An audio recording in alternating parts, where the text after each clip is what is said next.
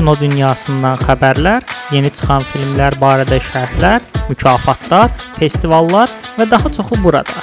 Filmat, sizin kino bələdçiniz. Salam dostlar, Filmatın Spotify kanalına xoş gəlmisiniz. Bundan sonra kanal deməyək, feed deyək. Filmat fəaliyyətini Spotify-da davam elətdirir və biz çalışacağıq ki, hər həftə sizə müxtəlif mövzularla sizin qarşınıza çıxaq. E, bu gün mən bu verilişlər ərzində tək olmayacağam. Qarşıda bir nəfər var. Salam. Mən Ceylan. Konkret Ceylan kimi danışdım belə bir girdim bir süzüldün, dayandın. Biz Hacı ilə bərabər e, filmlər haqqında danışacağıq ümumi. Ümid edirəm maraqlı olar. İkimiz də e, filmlərlə çox yaxından tanışıq. Hətta demək olar ki, bütün günümüz filmlərlə keçiriksə, ona görə məncə yaxşı olar. Mən də inanıram ki, maraqlı olar. Burada müxtəlif e, bizim bölmələrimiz olacaq. Müxtəlif bu bölmələr haqqında keçməmişdən, e, yəni deyim ki, sonda bunları bildirəcəyik ki, sizin də bizə feedback vermək şansınız və ya sual vermək şansınız da olacaq. O video e, əsasən səs yazısının son hissəsində olacaq. E, istəyirəm elə söhbətə şey, şeydən başlayaq. Yəni biz filmlə iç-içəyik, filanıq deyirik. Belə bir sual verim sənə ki, ümumi olaraq məsələn ay ərzində nə qədər film izləyirsən? Ümumiyyətlə sayırsanmı bunu? Mən normalda əslində belə bir e, tabu yox, totemim var ki, gündə bir ən azı bir film izləmək. Ona görə gündə demək olar ki, bir film izləyirəm, amma bəzən olur da, yəni baxır vəziyyətə. Ümumi toplasam, yəqin ki, ən azı 28 film izləyə bilirəm, yəni belə. E, demək olar ki, məndə də elədir. Mən də çalışıram ki, gündə ən az bir film izləyim. Hətta həftə sonları əgər işim azdırsa 2 film belə izlədiyim olur, amma e, bəzi səbəblərdən ötürü mən də bir film izləyirəm. Letterboxd hesabımda qeyd eləyirəm ki, bunu ölçüm. Çox maraqlı bir şəkildə məsələn dekabr ayında 38 film var idi. Bu ay elə hər gün bir film izləmişəm filan, amma başqa işlərlə də məşğulam deyə bir, bir növ insanlar məni bağışlaya bilərlər də. E, hmm. Bu mövzudan keçmək istəyirəm ki, bu həftə nələr izləmişik? Yəni bu həftə izlədiyimiz filmlər, təzə çıxan filmlərdən nəsə izləmisənmi? Yoxsa daha köhnə bir filmlərmi seçmisən izləmək üçün? Sənsə bir film sən danış, bir film mən danışım. İzlədiklərimiz qoy insanları da maraqlıdırsa seçib izləyə bilərlər. Hı -hı. Bu ay ümumi mən demək olar ki, təzə heç bir şey izləməmişəm. Ancaq köhnə filmləri. Eee, danışmaq istədiyim film ən çox Play It Again Sam filmidir. Woody Allen filmi. 1972 film, istehsal filmdir. Deməli, filmin adından da göründüyü kimi, bəlkə bir çoxlarına aydın olmaya bilər, amma film birbaşa demək olar ki, Casablanca filmindən bəhs eləyir. O da 1942-ci ilin çox məşhur filmidir. Dəhşətli dərəcədə məşhurdur özü. Yəni ən məşhur romantik film ola bilər. Deməli, filmin adı əslində Casablanca filmində heç bir, yəni filmin baş rolu heç vaxt bu cümləni heç vaxt işlətməyib. Sadəcə göndərmə kimi deyə bilərik. Orada da Sam adında bir pianist olur filmdə. Bu iki əsas baş rolun deməli sevgili olurlar, sonradan daha doğrusu ayrılırlar, amma yenə də Bunlar həmişə bir barda görüşürlər. Mərakeşdə bir bardır. Elə Casablanca adında şəhərdə. Deməli, orada həmişə bu pianist e, başlayıb onun çox məşhur bir bəstəsi var. Bilmirəm öz bəstəsidir ya yox, amma nə isə. Həmin bəstəni çalır. Yəni əsasən filmə e, Casablanca filminə göndərmədir belə desək. Burada baş rolun e, filmin ümumi hekayəsi budur ki, baş rol e, filmin ilk səhnəsindən Bu adam Casablanca filminə baxır, son səhnəsinə. Biz başlayırıq baxmağa ki, bu son səhnəyə baxır, sonra belə qəribə üz ifadəsi alır, hətta sonda səhv eləmirəmsə ağlamağa başlayır. Sonra ya bu adamın həyatından bəhs edir. Bu adam dəhşətli dərəcədə Casablanca filmindən yəni əl çəkə bilmir. Bütün həyatını demək olar ki, o filmin replikalarına, nə bilim, orada baş verən hadisələrə bağlayır o dərəcə ə, dəli olur ki, bu filmlə bağlı. Hətta ə, görüşdüyü adamlar, məsələn, biri ilə sevgili olmaq istəyir.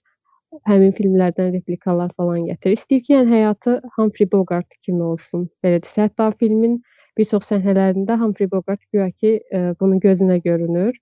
Yəni buna məsləhətlər verir ki, bəs nə bilim falan sözü kəsmək istəməzdim, amma yəni mən də Humphrey Bogart kimi olmaq istəyərdim. Yəni yaraşıqlı filan. Hamı belə baxır sənə. Kim istəməz? Aha. Hı. Belə, yəni ümumi sonda da, hətta sonunda da bilmirəm spoiler olacaq, amma baxmayanlar burada mute eləyə bilər. Filmin sonunda da elə gəlir ki, guya ki, filmin sonu Casablanca filminin sonu kimi bitir. Biraz fərqli olsa da, yəni fərqlilər olsa da, yəni bu adam istədiyinə nail ola bilir. Axırda elə gətirir ki, qarşısına bir qadın çıxır. Bu qadın buna həqiqətən özü olduğu kimi çevir. Çünki bizim bu başrol dəhşətli də dəhşətli dərəcədə filmlərə bağlı olan biridir. Yəni gözü demək olar ki, filmdən başqa heç bir şey görmür. Əsasda Casablanca filmi. Heç kim də bunu bəyənmir, çünki biraz ə, asosial biri olur. Ə, qadınlara necə açılmaq lazımdır onu bilmir. Yəni bildiyiniz bizdə geyik deyə bir kəlmə var. Film geyikdir də, yəni bu.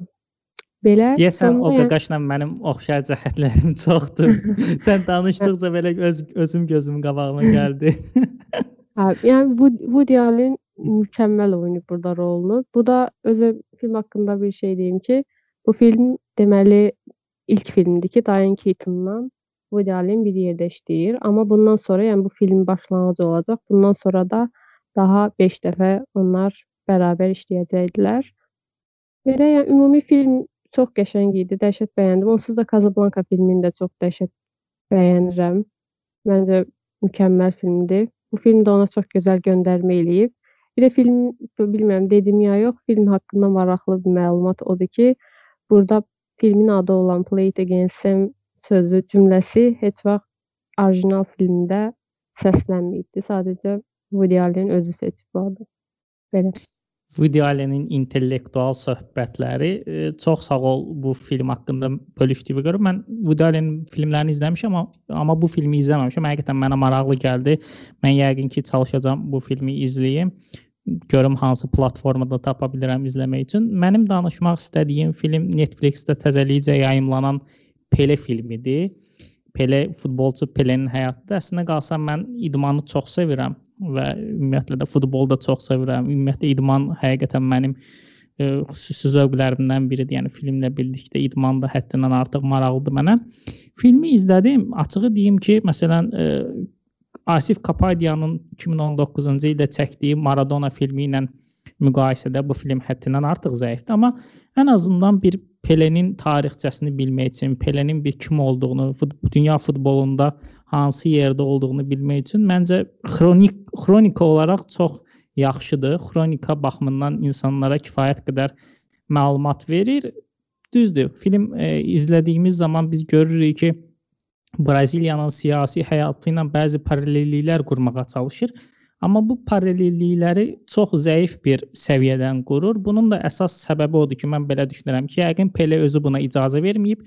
Çünki biz orada Pelenin həqiqətən də günahkar biri kimi də görməyə başlayırıq. Bu insanlar yəni böyük şəxsiyyətlər olduğu üçün bu bunlar iştirakı ilə əgər onlar özləri danışırsa, özləri iştirak eləyirsə, çox şeyə müdaxilə eləyirlər və bəzi şeylərə imkan vermirlər tam aydınlaşsın. Məsələn, nümunə olaraq Michael Jordanın e, haqqında olan Last Dance-ı göstərə bilərik. Orada da Michael Jordan haqqında yəni mifoloji bir xarakter kimi, mifoloji bir obraz kimi görürük həmin serialda. Yəqin ki, burada Michael Jordanın xüsusi toxunuşları var. Burada da Pelenin var.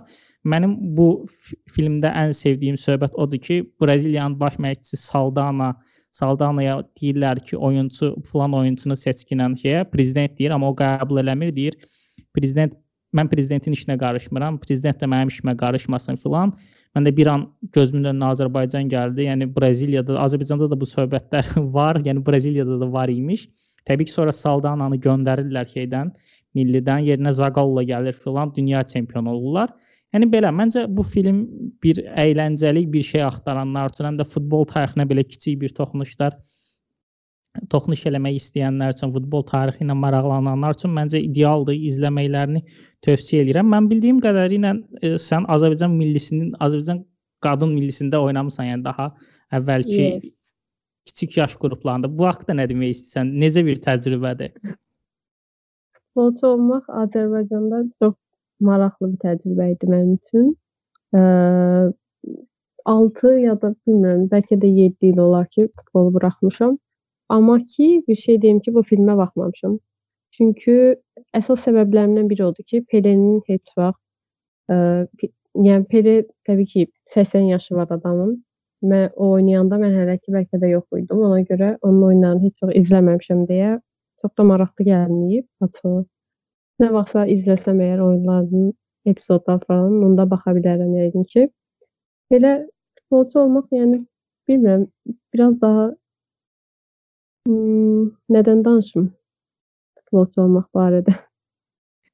Nə bilim, yəni sənə necə şeydirsə, yəni bir necə hissdir? Məsələn, mən bundan sənə kömək eləyə bilərəm ki, Azərbaycan qadın millisi səhv etmirəmsə hansısa İspaniyaya mı, Almaniyaya mı qarşı bu yaxınlarda 13 qol buraxdı və kişilər tərəfindən linç olundular ki, bəs bu nədir, nə bilim nə, nə, amma yəni mən bu insanla xüsusilə də bir qadın qapıcı var idi, onun şəklini paylaşıb belə məzələnədilər ki, ay bu zad? Yəni mən çox iyrənc bir şəkildə ikrah hissi ilə baxdım həmin paylaşımlara. Yəni neynəsinlər də bu adamlar? Yəni bu bu adamların institusional bir şeyi yoxdur, yaşamaq mən Hı -hı. bilmirəm tam dəqiq, amma yəni həyatlarını inanmıram ki, bütün o futboldan qazandıqları üzərindən qura bilsinlər istədikləri qədər. Təbii ki, burada müəyyən bir maddi dəstək var, amma ki e, yalnızca ölkə milli səviyyəsindədir, klub səviyyəsində filan yoxdur ya da bilmirik, ortalıqda yoxdur deyə mənə ikrahla baxırdım o xəbərlərə filan, yəni belə məzələnməyə. Oyundur da, yəni ola bilər də.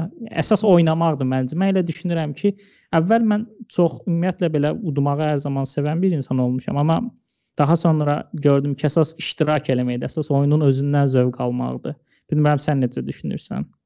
Ə, dediyinlə razıyam. Yəni mən ümumən nəinki qadın futboluna, yox, qadın futboluna daha çox, çünki işin içində olmuş biri olaraq deyə bilərəm ki, Ümid eləyirəm mən bildiyim kimidir dəqiq. Amma ki, kişi futboluna ə, olan maraq qədər qadın futboluna maraq yoxdur. Burada sadəcə elə belə maraqdan, adi maraqdan getmir də, yəni maddi maraqdan da gedir burada söhbət. Yəni qadınlar neynəsin ki, onlara normal ə, necə deyim, yatırımmı deyim, nəmi deyim, olmur. Ona görə onların demək olar ki, gəlir yeri də bir şey deyil. Yəni kişi futbolunda olan qədər deyil, bəlkə də heç ondan 2-3 qat daha aşağıdır.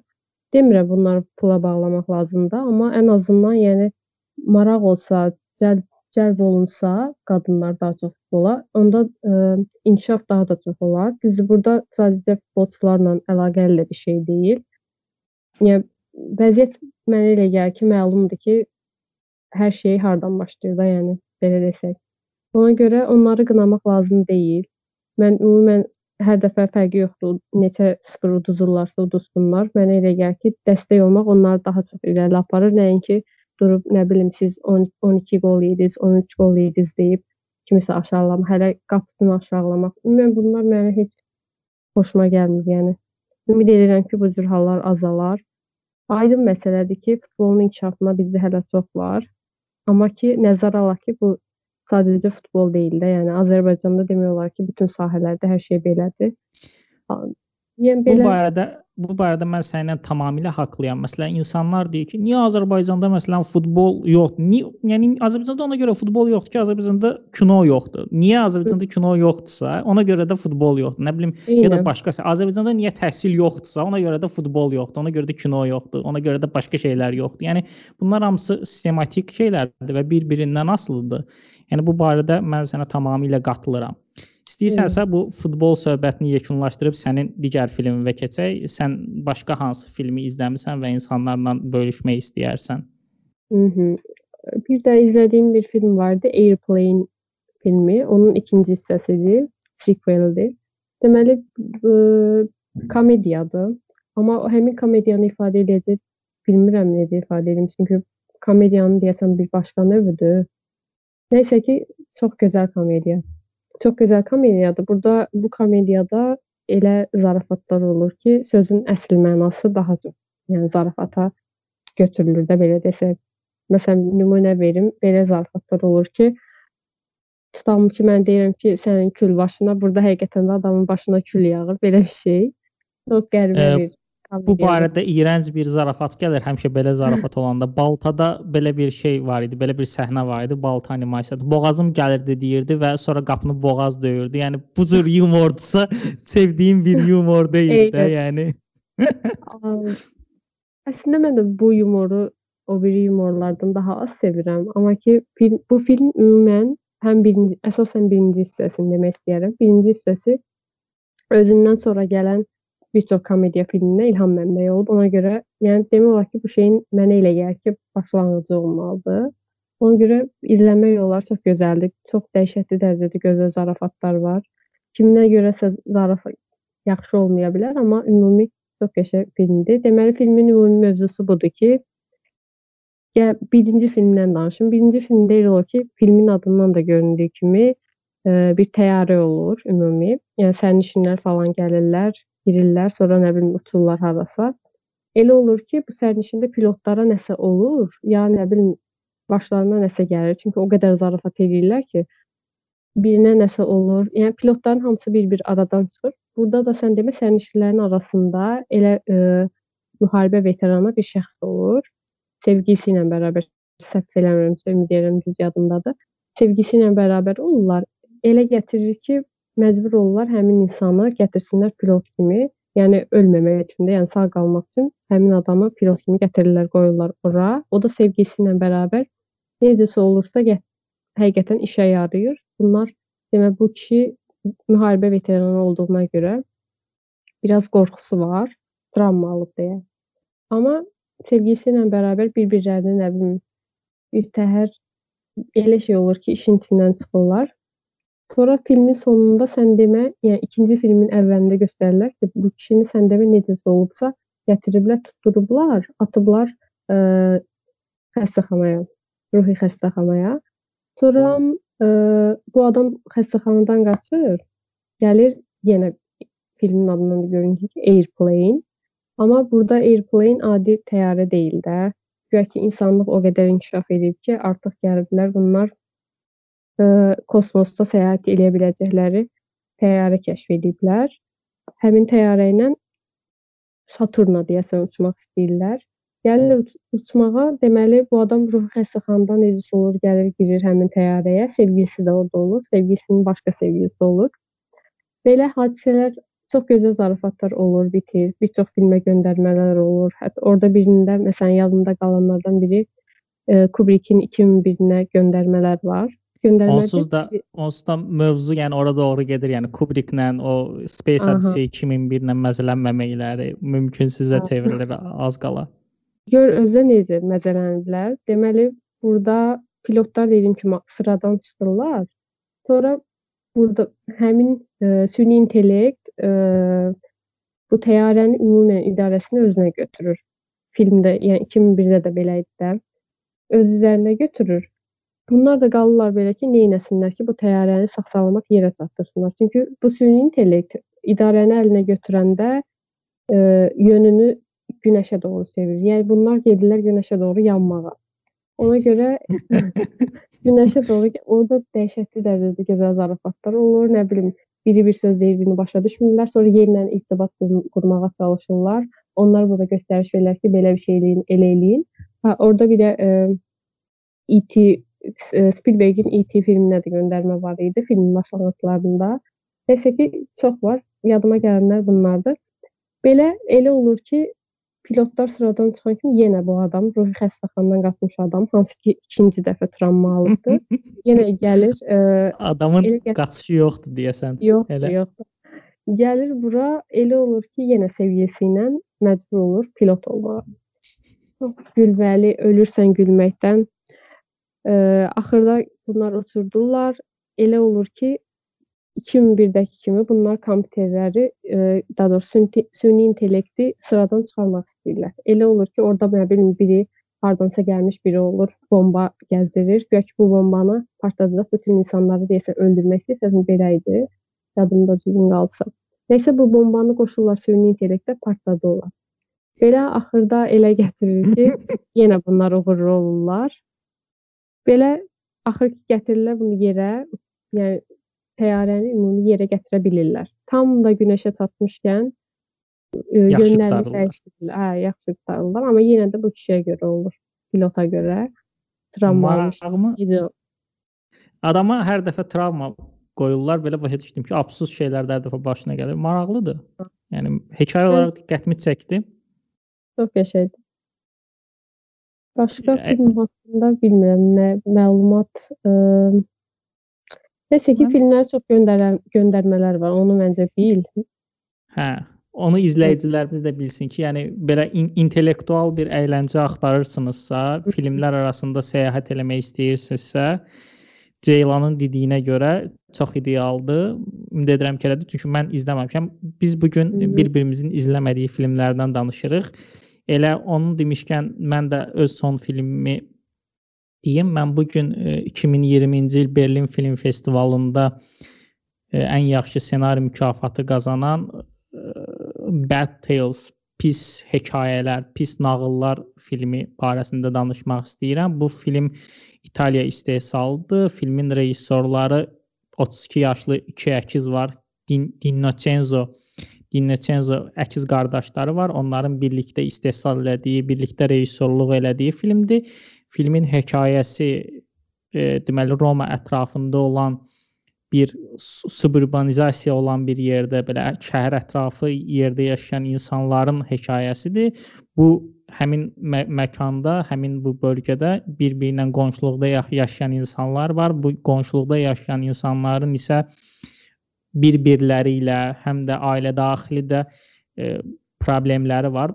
Bu problemlər daha çox əlaqəsizlik, əlaqə qura bilməmək, bir-birləri ilə düzgün kontakt qura bilməmək, bir-birlərini dinləməmək, bir-birlərinə qarşı az qala nifrət səviyyəsində olan e, patolojik problemləri göstərir. Filmin qorxu atmosferi var və rəng işi də həqiqətən uğurlu bir şəkildə, yəni ümumiyyətlə görüntü işi də çox yaxşıdır, çox maraqlı bir şəkildə alınıb və mən çox bəyəndim. Digər tərəfdən isə bir qorxu janrının elementləri var ki, daim insanı gərginlikdə saxlamağı bacarır. Mən indi danışa-danışa düşündüm ki, əslində qalsa bu mövzular bizim e, Haneke'nin filmlərində gördüyümüz mövzulardır. Bilmirəm Ceylan sənin təsəvvüründə necə bir şey yalandı, amma Haneke filmlərində olan o qorxu, o bir-birlərlə dysfunctional, ingiliscə dysfunctional deyilən, yəni funksiyon funksionallığı itirmə halı, bir-birləri ilə əlaqə qura bilməmək halı çox yaxşı bir şəkildə işlənilib.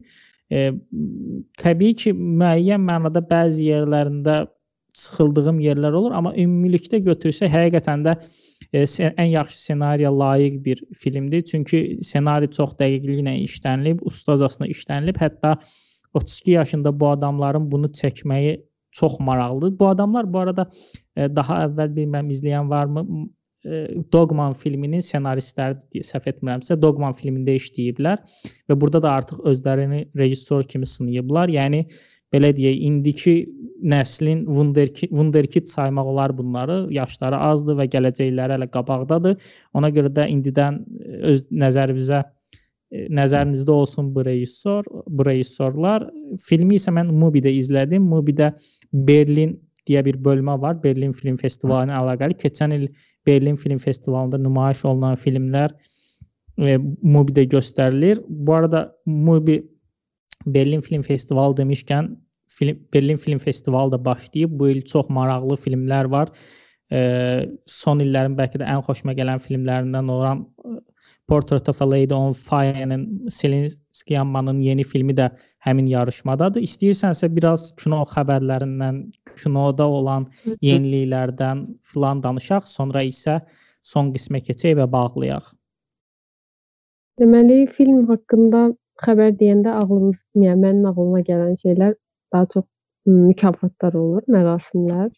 Deməli, m, Kan bilmirəm, deyəsən bu il demişdilər ki, ləğv olunacaq, yəni il olmayacaq, amma ki baxdım, deyəsən mayın 11-i olmuş Yox. olacaq. Yəni Kanın vaxtını da keçirtdilər. Mən bilən Kanı da keçirtdilər şeyə. İyul, Ha, iyula keçirtdilər. Atdılar qabağa biraz. mayın 11-i keçirilməli, yəni pis bir şey olmasa, mayın 11-i olmuş olacaq mənə elə gəlir.